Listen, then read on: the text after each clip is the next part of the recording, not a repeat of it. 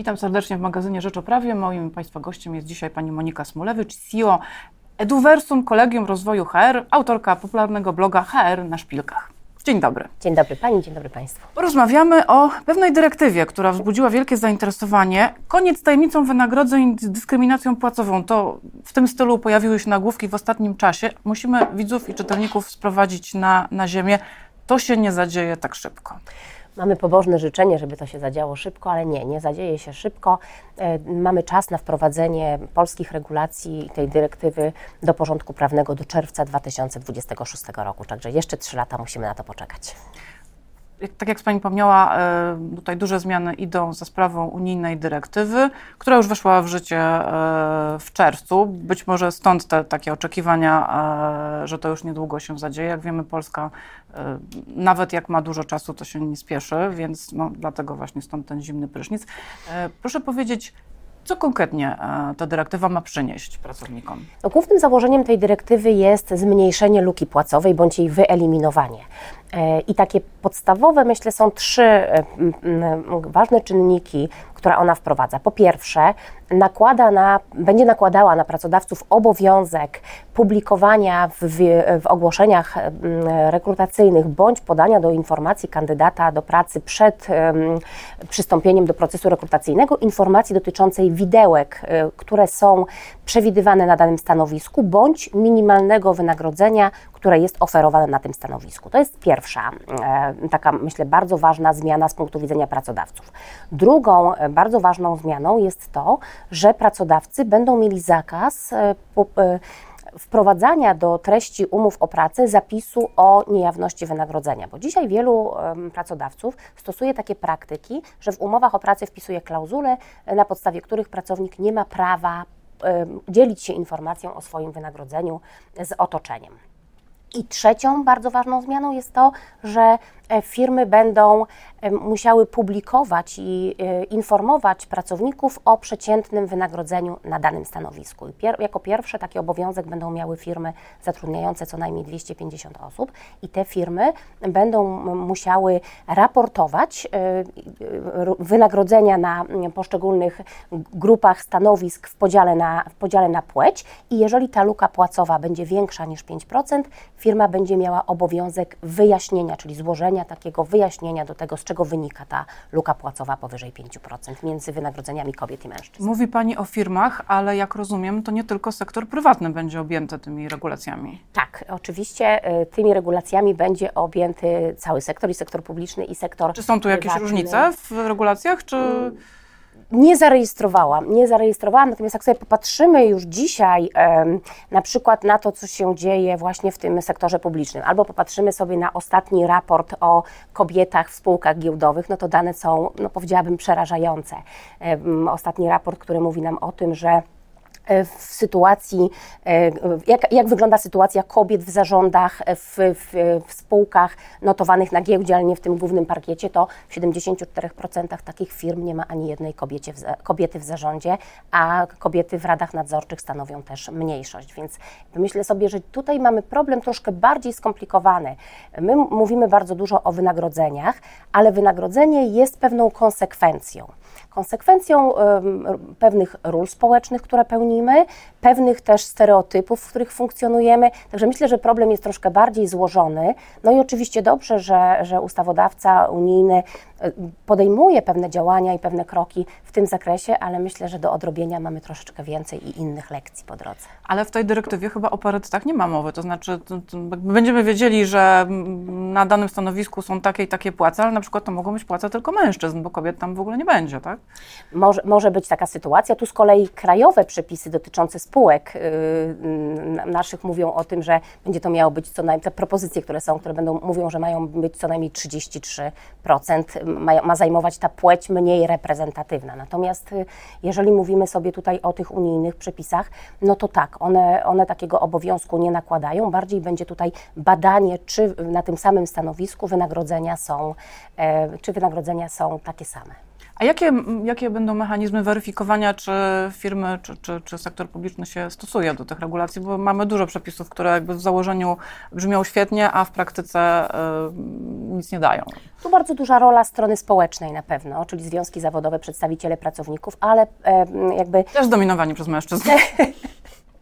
też zdominowani przez mężczyzn, ale ja tak może trochę włożę łyżkę dziegciu do tego e, wszystkiego. Myślę sobie, że my kobiety też musimy troszeczkę odważniej e, wchodzić na menedżerskie stanowiska. My musimy trochę odważniej podejmować decyzje dotyczące nieustępowania tak łatwo, tak łatwo miejsca gdy, pomyślę sobie właśnie o tym, jaką mamy gotowość do e, obejmowania stanowisk menedżerskich, to ona ciągle jeszcze społecznie jest niższa e, niż u mężczyzn. To jest tak, jak popatrzymy sobie na nim ogłoszenia rekrutacyjne i jest 10 wymagań, to kobieta będzie sprawdzała, czy, ma, czy spełnia 10 wymagań. Mężczyzna, który spełnia jedno czy dwa wymagania, on, on już się zgłosi i aplikuje. Więc myślę sobie, że tutaj to jest kwestia e, też przejścia pewnego takiego mentalnego y, progu, który jednak cały czas jako społeczeństwo mamy.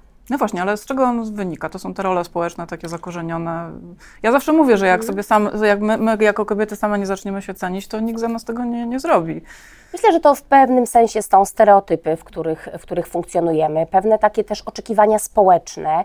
No i no nie bez znaczenia są również role, które pełnimy w życiu społecznym. Rola matki, no w pewnym mo momencie nie, nie jesteśmy w stanie wykonywać obowiązków zawodowych, bo jesteśmy biologicznie tak że, że rodzimy dzieci i przynajmniej na ten okres e, takiego wczesnego wieku dziecka, no, jesteśmy wyeliminowane z życia, z życia zawodowego, bo nikt za nas nie, nie nakarmi piersią, nie urodzi, e, nie przejdzie tej rekonwalescencji po porodzie i tak dalej. Więc myślę, że jakby to jest dość istotne, ale najbardziej wydaje mi się, że jednak e, są to kwestie związane z naszą niegotowością do przejmowania takich ról. Mamy taki w Polsce trochę stereotyp, że to mężczyzna jest tą głową rodziny, prawda, i mężczyźni mm, piastują te funkcje takie dowodzące, że tak powiem.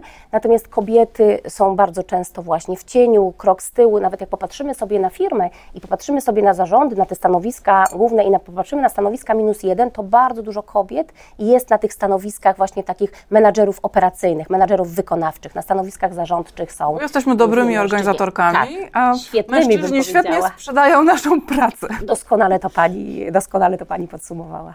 A czy wśród y, mężczyzn, menadżerów wciąż jest taki opór, y, żeby awansować i zatrudniać kobiety na wyższych stanowiskach? Czy to, bo to rozumiem mentalny problem w przypadku kobiet, ale mentalny problem w przypadku mężczyzn, że nie, ufa, nie ufają kobietom?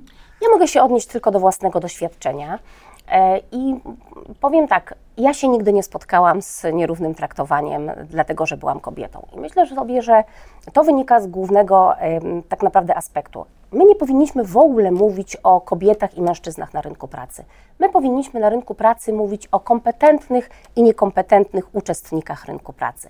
I teraz, gdy wyniesiemy na, na, na sam szczyt tej drabiny kompetencje, to czy jesteśmy kobietą, czy jesteśmy mężczyzną, czy jesteśmy w jakiejś mniejszości mm, zawodowej, to nie powinno mieć tak naprawdę żadnego znaczenia. I myślę, że dzisiaj powinniśmy rozpocząć dyskusję na temat przywrócenia takiego ładu i porządku na rynku pracy, czyli wynagradzania pracowników, awansowania, typowania do awansów, e, promowania tych osób, które są zaangażowane, tych osób, które mają wymierne efekty i wyniki pracy. No a tu z kolei nie pozostawiają złudzeń inne badania. Popatrzmy sobie chociażby na badania Galupa, tak, które, które mówią o tym, że zaangażowanie wynosi w Polsce 14%. My się cieszymy, bo wyższe niż w Unii Europejskiej które wynosi 13. Więc myślę, że dzisiaj rynek pracy mierzy się z zupełnie też e, innymi wyzwaniami, natomiast no, nie możemy bagatelizować e, kobiet, kobiet na rynku pracy i tego, tej właśnie i luki płacowej, i mniejszej, e, mniejszych szans, i mniejszych możliwości kobiet na rynku pracy. Ale jak popatrzymy sobie z kolei na wykształcenie, kobiety są przecież lepiej wykształcone,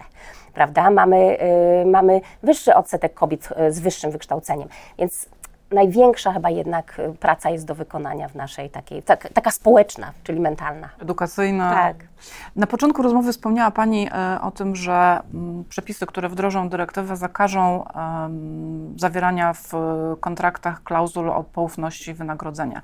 E, czy często te klauzule dzisiaj są na polskim rynku e, zawierane? Ja sama akurat bardzo często się spotykam, w, w, ale w mojej branży, tak? Natomiast nie wiem, jak to wygląda tak generalnie na rynku. Często. Myślę, że często jest, nawet jeśli nie są wyrażone w formie pisemnej, to jest takie oczekiwanie poufności wynagrodzenia. Z czego to wynika? Czy to, to wtedy można łatwiej kogoś innego taniej z, zatrudnić?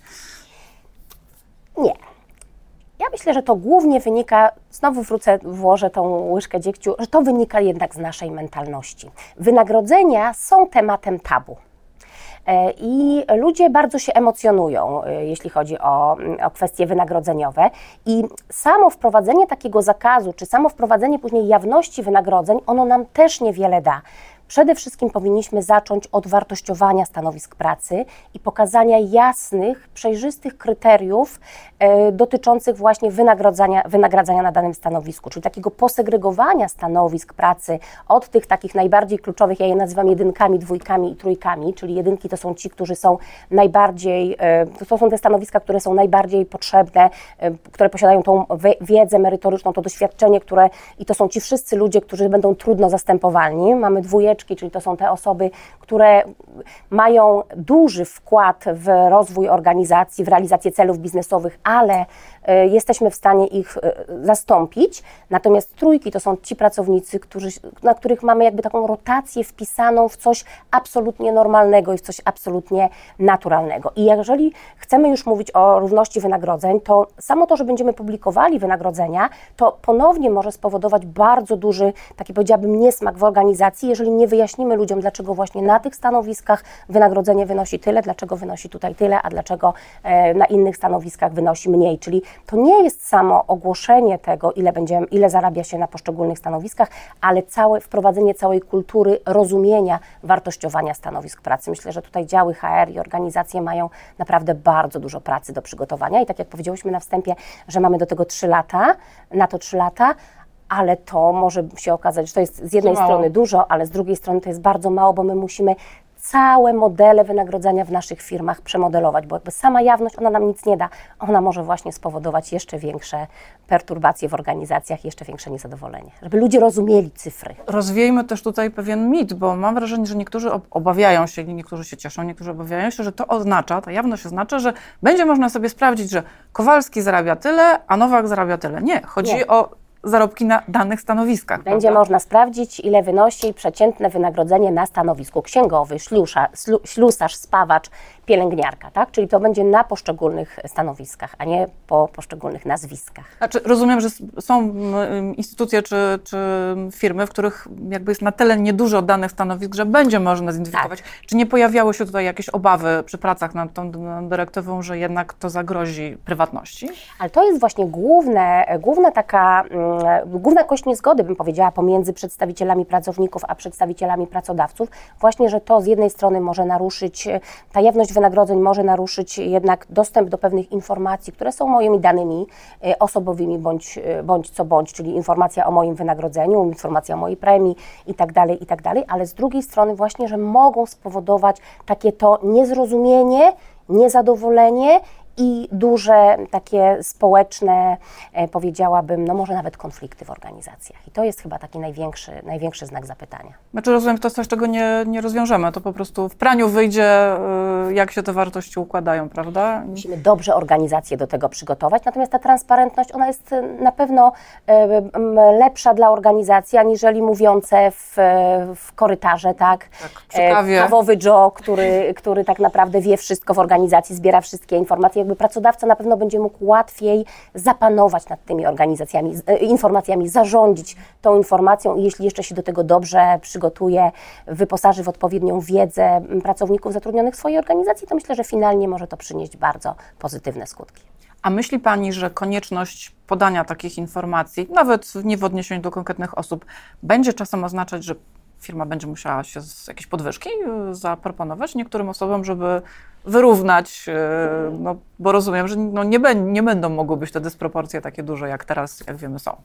No, tajemnicą Poliszonela we wszystkich firmach jest to, żeby dostać podwyżkę, to najlepiej jest złożyć wypowiedzenie albo wrócić do organizacji i wtedy otrzymujemy wynagrodzenie odpowiednio wyższe. I tutaj mm, ponownie, no, to jest do wykonania też bardzo duża praca e, po stronie organizacji i te świadome, takie, które mają naj, najwyższy poziom mm, takiego kultury, kultury organizacyjnej, czyli dbają, dbałość o ten, people, e, ten obszar people and culture, no to to są organizacje, które już w porę dokonały takiej klasyfikacji, gdzie pracownik, który przychodzi do organizacji, nie ma dużo wyższego wynagrodzenia niż pracownik pracujący w tej organizacji kilka czy, czy kilkanaście lat, e, ale na pewno, jeżeli mamy duże dysproporcje pomiędzy wynagrodzeniami pracowników długo pracujących, a tych, którzy przychodzą do organizacji, z całą pewnością pracodawcy będą musieli również budżety wynagrodzeniowe tutaj przystosować. No to ciekawe, dobra wiadomość. E, na koniec y, specjalizuje się Pani w, H, w tematyce HR, więc nie mogę zapytać o głośną historię z końca minionego tygodnia. Jedna z posłanek przyszła do Sejmu z dzieckiem, co wywołało nieprawdopodobny hejt e, ze strony internautów. Argumenty były między innymi takie, że stać ją na nianie przecież zakładając nawet, że to była pewna forma manifestacji. E, co Pani sądzi w ogóle o problemie przychodzenia do pracy z, z dziećmi i czy mm, tutaj Polska jest jakoś w tyle za, za resztą świata? Bo wydaje mi się, że na Zachodzie jednak e, w niektórych firmach standardem są jakieś klubiki e, dziecięce i tak dalej świetny punkt wyjścia w ogóle do naszej, do naszej rozmowy. Teraz, jeżeli my nie zmienimy sposobu naszego myślenia jeżeli nie będzie dla nas czymś naturalnym, czymś naturalnym to, że jeżeli matka w danym momencie nie ma co zrobić z dzieckiem, a jest osobą odpowiedzialną, ma do dowiezienia jakiś projekt, do zrobienia jakieś ważne zadania i przyjdzie do pracy z dzieckiem, to nie będzie to postrzegane jako wielka sensacja, no to myślę sobie, że my nigdy nie zmienimy miejsca kobiet na rynku pracy i pozycji kobiet na rynku pracy. Ja pamiętam wiele lat temu, moja córka miała trzylatka, też przyszłam z nią do pracy i pamiętam reakcję jednej z moich koleżanek e, na tamten moment, która powiedziała wtedy: No to ja jutro przyjdę z psem. Więc jakby minęły lata, moja córka ma już dzisiaj 20 lat, a jak widać, mentalność w niektórych głowach do dzisiaj się nie zmieniła. Ja jestem zachwycona e, mamami, które pełnią zarówno role zawodowe, jak i role społeczne i role rodzinne. E, ostatnie kilkanaście lat spędziłam w bardzo sprzyjającym kobietom środowisku zawodowym, gdzie właśnie staraliśmy się w bardzo dużym stopniu e, wprowadzać różne formy elastycznej organizacji pracy, w tym również właśnie w takich sytuacjach trudnych i podbramkowych możliwość pracy zdalnej, kiedy to jeszcze nie było modne, e, czy też właśnie możliwość przyjścia do pracy z dzieckiem, jeśli tego wymagała sytuacja, więc ja uważam, że to jest normalność. Ale znamienne jest to, że Pani powiedziała, że jeśli mama nie ma co zrobić z dzieckiem, bo ojciec nigdy nie ma tego problemu, to zawsze jest problem mamy. Ja myślę, że to się też zmienia, ale, ale ma Pani rację i dziękuję, że mnie tu Pani sprowadza na ziemię. Istotnie, dziecko ma, ma oboje rodziców i, i to oboje rodzice są odpowiedzialni, ale jednak w te role społeczne jednak ciągle ubrane są mamy, bo ta mama zwykle tak, albo pracuje na niższym stanowisku, albo mniej zarabia na przykład, prawda?